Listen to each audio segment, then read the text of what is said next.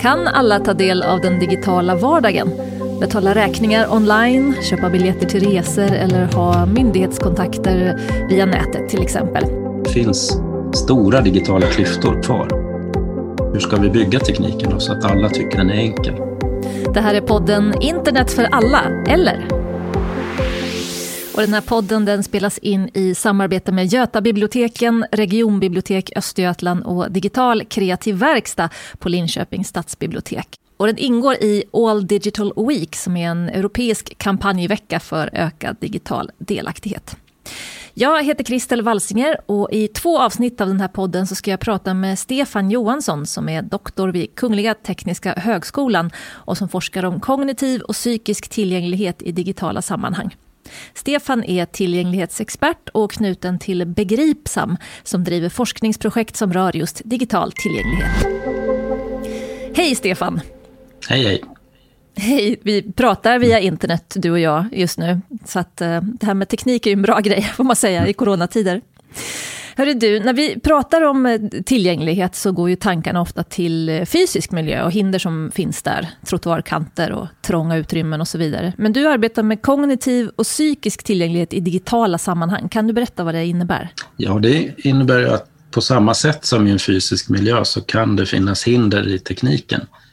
Eh, det, det allra vanligaste är väl att vi gör tekniken helt enkelt för svår eller för ologisk mm. eller det är någonting som man inte klarar av. Det är för mycket saker på en gång eller det. Så, så det kan finnas exakt samma sak egentligen i en digital miljö som i en fysisk miljö. Någonting hindrar vissa människor från att använda de digitala lösningarna.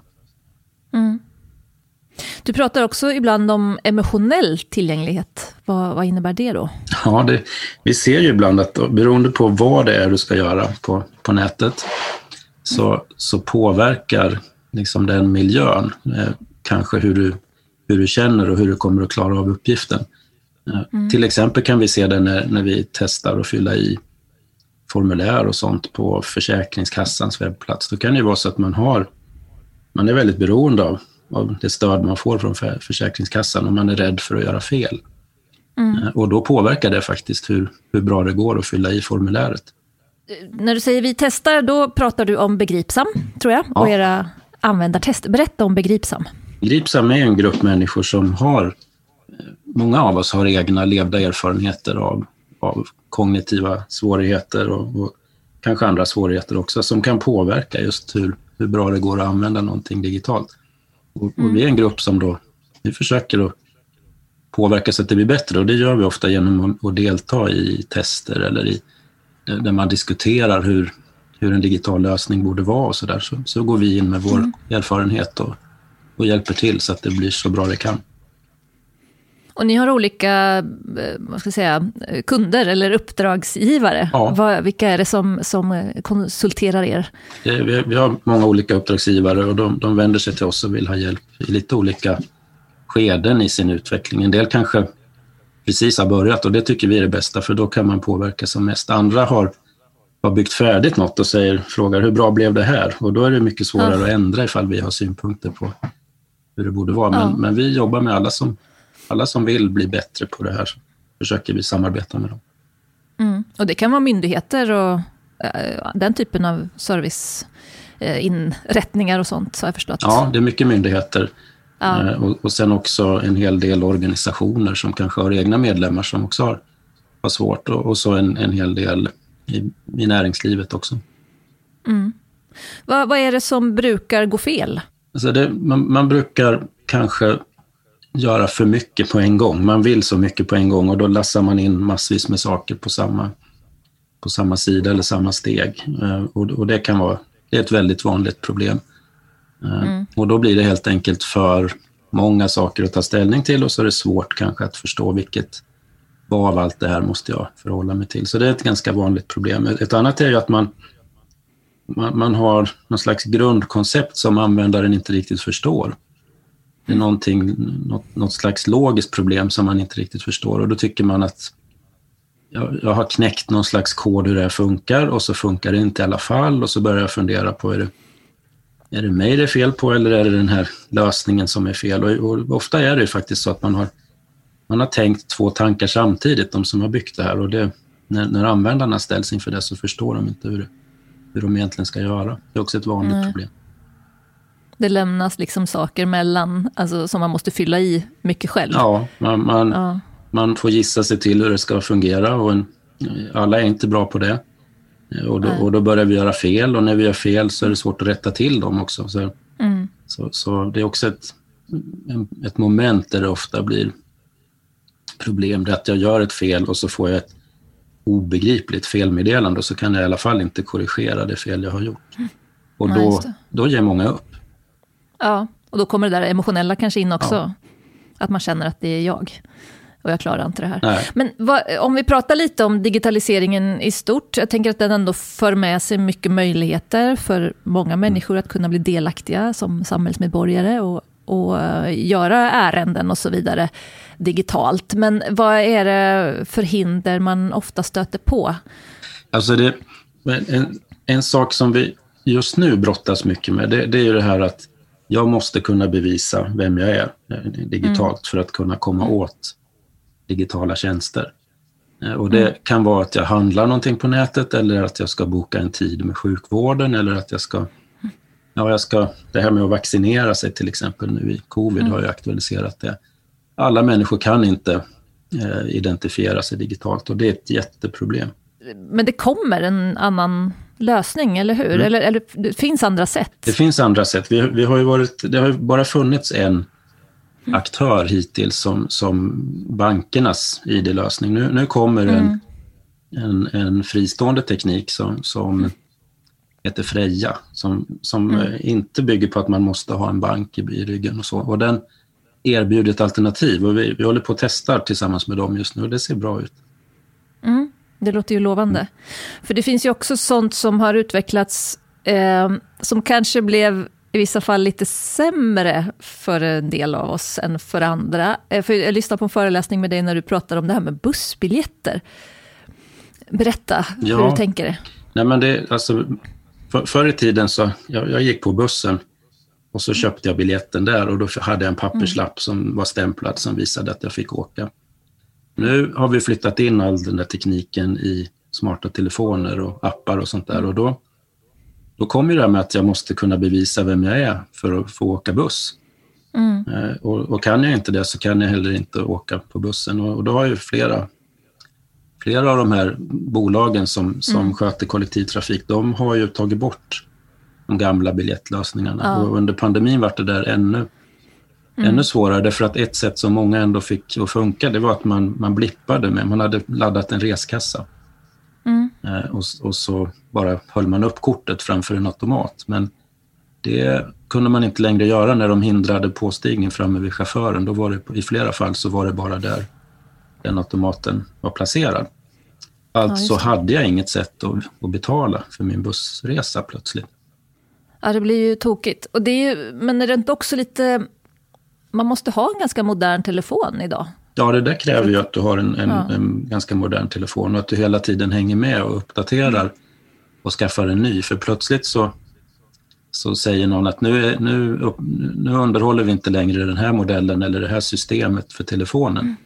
Mm. Mm. Och då upphör ju de här identifikationstjänsterna att funka och det är en säkerhetsgrej, säger man då. Mm. Men det kräver ju att, att man har en ganska modern telefon och det, alla har ju inte det. Och och då kan man Nej. säga, var, vem har bestämt att man måste ha en modern telefon för att få åka buss? Mm. Det är ingen som har bestämt det, utan det, har bara, det blir så därför att vi inte tänker igenom hur vi, hur vi skapar lösningar i, i den digitala världen. Jag tänker på, finns det tillfällen då ändå den här digitala tekniken har, um, är bättre än uh, hur det var innan? Ja, det tror jag. Jag tror att många har massor av exempel på där, där tekniken ja. i grunden är bättre. Och det, ja. Frustrationen uppstår ju när man inser att det här är bättre men jag kan ändå inte använda det. Mm. Eh, så, så man tänker på hur, ja, men hur betalade vi räkningar förr i tiden? Man. Man tog dem i näven och gick till banken och stod i kö där mm. och betalade. Så det är mycket enklare att kunna betala räkningar hemifrån när man själv vill och sådär. Så tekniken mm. har ju på många sätt underlättat. Och det ser vi också i alla grupper vi studerar så finns det ganska många som säger att ja, men jag tycker att för mig funkar det bra. Och sen pratar vi med, med människor med samma svårigheter och de säger nej, jag får inte det här att funka. Mm. Så, så just nu behöver vi ju förstå bättre vad det är som, hur ska vi bygga tekniken då, så att alla tycker att den, att den är enkel. Ja, och ni gör ju den här undersökningen som heter Svenskarna med funktionsnedsättning och internet. Som speglar lite Internetstiftelsens undersökning, men från ert håll, berätta. Ja, vi, vi speglar eller skuggar den. För det, svenska folket är jättestuderat. Vad, vad gör vi på internet? Det finns en lång, finns en lång mätserie om vad svenska folket gör på internet. Men, men den säger väldigt lite om vad den delen av befolkningen som har funktionsnedsättning gör på internet och vad man tycker om det. Så så Mm. vi försöker komplettera den bilden genom att göra en egen mätning och, och, och så kunna jämföra det då med hur ser det ut i hela befolkningen. Och då ser vi att det finns stora digitala klyftor kvar. Mm. Och vad är det ni hittar för någonting? För det är väl väldigt olika ehm, för även person, personer med funktionsnedsättning har ju väldigt många olika ehm, svårigheter och eh, vissa saker som gör det kanske enklare för dem än för andra. Ja, vi, vi ser ju att eh, det kan spela väldigt stor roll vad, vilken funktionsnedsättning man har, så kan, så kan det påverka vad det är som är, man upplever som är svårt. Men om man, om man tittar på det mer översiktligt, så de, de som har störst svårigheter med internet, det är personer som, som har svårt med språket av olika skäl. Läs och skrivsvårigheter eller intellektuella funktionsnedsättningar. Man har svårt att svårt att förstå och svårt att lära nytt. Där, där har vi liksom två grupper som ofta tycker att det är svårt. Eh, Sen finns det många som, som har synnedsättningar och, och som ser dåligt som också tycker internet är svårt. Och, och även den som har lite dålig motorik kan tycka att vissa saker är svåra, särskilt på mobiltelefon. Det kan vara för små, för små saker att trycka på till exempel, det är ett ganska vanligt, vanligt problem. V- Vart ser man eh, mest digitala klyftor och var ser man dem minst? Ja, vi ser de, de största klyftorna handlar om just det här att göra ganska avancerade saker på nätet. Alltså köpa saker, betala för saker eller bevisa hur man är och sådär. Där är klyftorna störst. De är, de är minst när det kommer till sociala medier och läsa nyheter och spela spel. Där, där är det klyftor också, men, men mindre. Men just på sociala medier har vi hittat några grupper som, som använder dem mer än, än vad befolkningen gör. Så, så det måste inte vara så att bara för att jag har en funktionsnedsättning så använder jag internet mindre. Det, det är nästan Nej. alltid så, men, men inte, det är inte 100 procent så.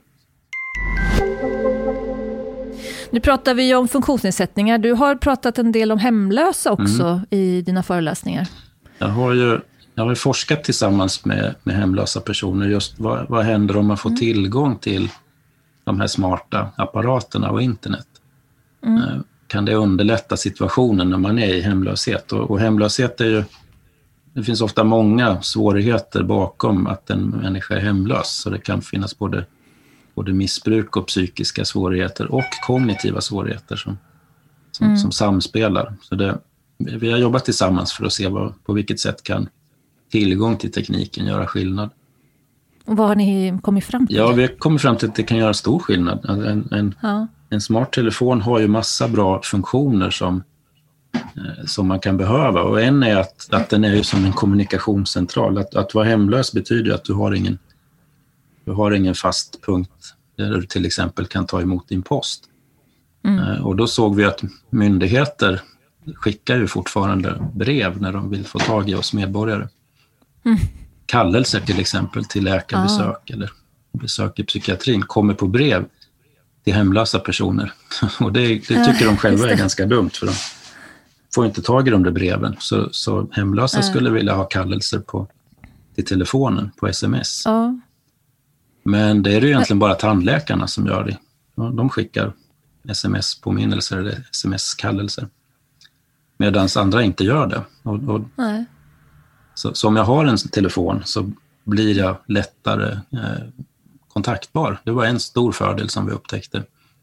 Eh, och sen funkar ju telefonen som ett minne. Man kan, man kan spela in saker så att det är lättare att komma ihåg. Och, och ofta så går man ju på möten och så säger man, ja men till nästa gång så ska du göra det här eller det här. Eh, och då måste jag komma ihåg det. Eh, personalen på mötet går och skriver det i, i journalen, så de kommer ihåg det, men jag måste minnas det. Och minnet mm. var en sån grej som många hade problem med i den gruppen. Så då kunde man spela in eller göra en liten anteckning i sin telefon, så ta fram den och titta. Mm. Så, så telefonen funkade väldigt mycket som ett kognitivt stöd. Ni, på Begripsam så gör ni ju olika forskningsprojekt, eh, vad jag förstått. Mm. Visst har ni gjort ett, eh, jag hoppar vidare här lite mm. nu, till ett, ett projekt som rör corona och hur den informationen har nått ut. Mm. För där tänker jag berör ju många olika grupper. Ja. Vad, hur, hur har det, är det färdigt? Nej, det, det, är inte ett färdigt projekt, men vi har gjort Nej. en delrapport till, till myndigheterna så att de kanske, kanske hinner korrigera en del av de misstag de har gjort.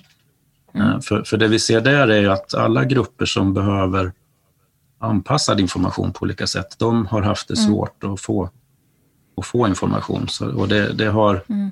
Eh, till exempel döva personer har haft svårt att hitta teckenspråkig information eller, eller personer som behöver lättläst information och kanske med mycket symboler och så, de har haft svårt att hitta, mm. Eh, hitta sån information. Och, så, och, och även personer som är beroende av att att någon annan kanske förmedlar informationen mer personligt. Till exempel många dövblinda, de pratar ju i handen med ett taktilt teckenspråk mm. och då behöver de ju vara väldigt mm. nära en tolk. Och tolken kanske mm. berättar vad som står i nyheterna. Eh, och det där har, har i stort sett försvunnit under, under pandemin just för att man ska hålla avstånd. Ja. Så, så flera grupper har haft det svårt och många av myndigheterna har haft oerhört svårt att att få in den här sortens information i sin ordinarie informationsprocess. Mm. Eh, och inte ens när de har påminns om att de missar så har de korrigerat det med, några undantag. Vissa myndigheter har skärpt sig under tiden, andra har inte lyckats, mm. lyckats få in det här i en ordinarie rutin. Och då blir det att ibland kanske de har en tolk, men i regel inte. eller Så, där. så det blir väldigt nyckfullt hur, Mm. När, när funkar informationen för mig då? då? Så, så det, det alla har fått reda på, eller alla tycker sig kunna, det är ju de här basgrejerna då om att man ska tvätta sig och hålla avstånd och så. Men, men den löpande mm. informationen har inte fungerat. Och särskilt inte Nej. när den kommer in på det här med hur man, hur man tar, var tar man prov, hur tar man prov, hur bokar man prov? Och samma sak ser vi nu kommer med vaccineringen, att det är svårigheter där. Ja. Men där har man i alla fall uppmärksammat nu det här med att folk inte kan logga in med, med BankID. Så man, man bygger liksom strukturer där det går att boka ett test utanför det digitala systemet. Så, så lite grann har man lärt sig. Vi ska prata mer i eh, ytterligare ett avsnitt, mm. du och jag. Och då ska vi prata lite mer om goda exempel på hur det kan se ut och fungera när det blir bra. Eh, på återhörande. Hej, hej.